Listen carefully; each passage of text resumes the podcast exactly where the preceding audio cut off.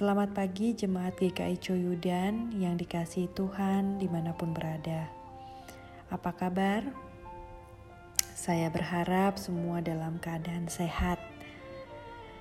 Adakah di antara jemaat yang sudah rindu untuk pelayanan? Karena sudah tiga bulan lebih pandemi ini melanda, sudah tiga bulan lebih kita tidak boleh ke mana-mana, sudah tiga bulan lebih kita tidak beribadah di gedung gereja, berarti sudah tiga bulan lebih kita tidak pelayanan seperti biasa.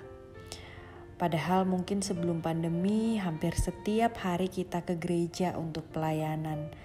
Paduan suara, kepanitiaan, KTB, kambium, doa pagi, mengajar sekolah minggu, latihan angklung, latihan kolintang, main musik di persekutuan, dan masih banyak lagi. Sedih rasanya tidak bisa melayani Tuhan selama hampir kurang tiga bulan ini. Jadi, adakah yang merindukan pelayanan lagi? Adakah yang merasakan kesedihan yang sama karena merasa tidak melayani selama tiga bulan ini? Kalau iya, mari kita belajar bersama-sama tentang arti pelayanan yang sesungguhnya agar kita tetap bisa pelayanan walaupun belum bisa ke gedung gereja. Mari kita lihat Kolose 3 ayat 23. Mungkin ada beberapa yang sudah hafal di luar kepala. Kolose 3 ayat 23 menulis, Apa pun juga yang kamu perbuat, perbuatlah dengan segenap hatimu seperti untuk Tuhan dan bukan untuk manusia. Ayat ini menurut saya adalah motivasi dasar dari pelayanan yang menentukan apakah kita sedang melayani Tuhan atau tidak bukan tempatnya, bukan jenis kegiatannya tapi soal motivasi yang mendasari apa yang kita lakukan. Jadi, apakah kita selama tiga bulan ini karena tidak ke gereja, karena tidak pelayanan di gereja, karena tidak mengikuti kegiatan gereja, apakah kita berarti tidak melayani Tuhan?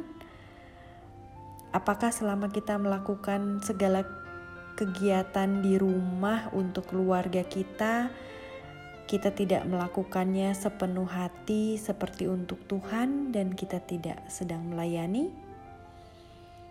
Apakah ketika kita tetap harus bekerja demi kelangsungan hidup keluarga kita, kita tidak melakukannya sepenuh hati seperti untuk Tuhan sehingga kita tidak bisa dikatakan sedang melayani? Rasanya saya percaya setiap kita sudah melakukan pelayanan kita masing-masing di rumah, di pekerjaan, di sekolah atau kuliah online. Hanya saja kita tidak atau belum menyadari bahwa kita sebenarnya sedang melayani. Karena selama ini kita memahami pelayanan hanya di gereja saja. Padahal apa pun yang kita lakukan dengan segenap hati dan kita melakukannya untuk Tuhan, maka itulah dasar dari pelayanan. Oleh karena itu, selamat memulai pelayanan hari ini. Tidak perlu menunggu sampai akhirnya kita bisa bertemu tatap muka di gedung gereja Terima kasih Tuhan untuk hari baru yang Tuhan beri bagi kami, untuk nafas kehidupan yang masih Tuhan anugerahkan bagi kami.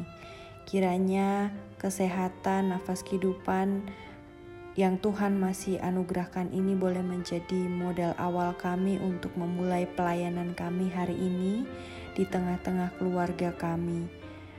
Sekecil apa pun yang akan kami lakukan, kami mau melakukannya dengan segenap hati kami untuk Tuhan, sehingga kasih Tuhan boleh kami bagikan kepada keluarga kami, boleh dirasakan oleh segenap keluarga kami dan orang-orang di sekeliling kami yang akan kami jumpai, sehingga nama Tuhan dipuji dan dimuliakan, dan hidup kami sungguh-sungguh dapat menjadi hidup yang selalu melayani Tuhan di mana pun kami berada dan apa pun yang kami lakukan. Terima kasih Tuhan, ini kami, kami siap melayani Engkau lewat hidup kami. Di dalam nama Tuhan Yesus Kristus, Juru Selamat kami yang hidup, kami berdoa dan bersyukur. Amin.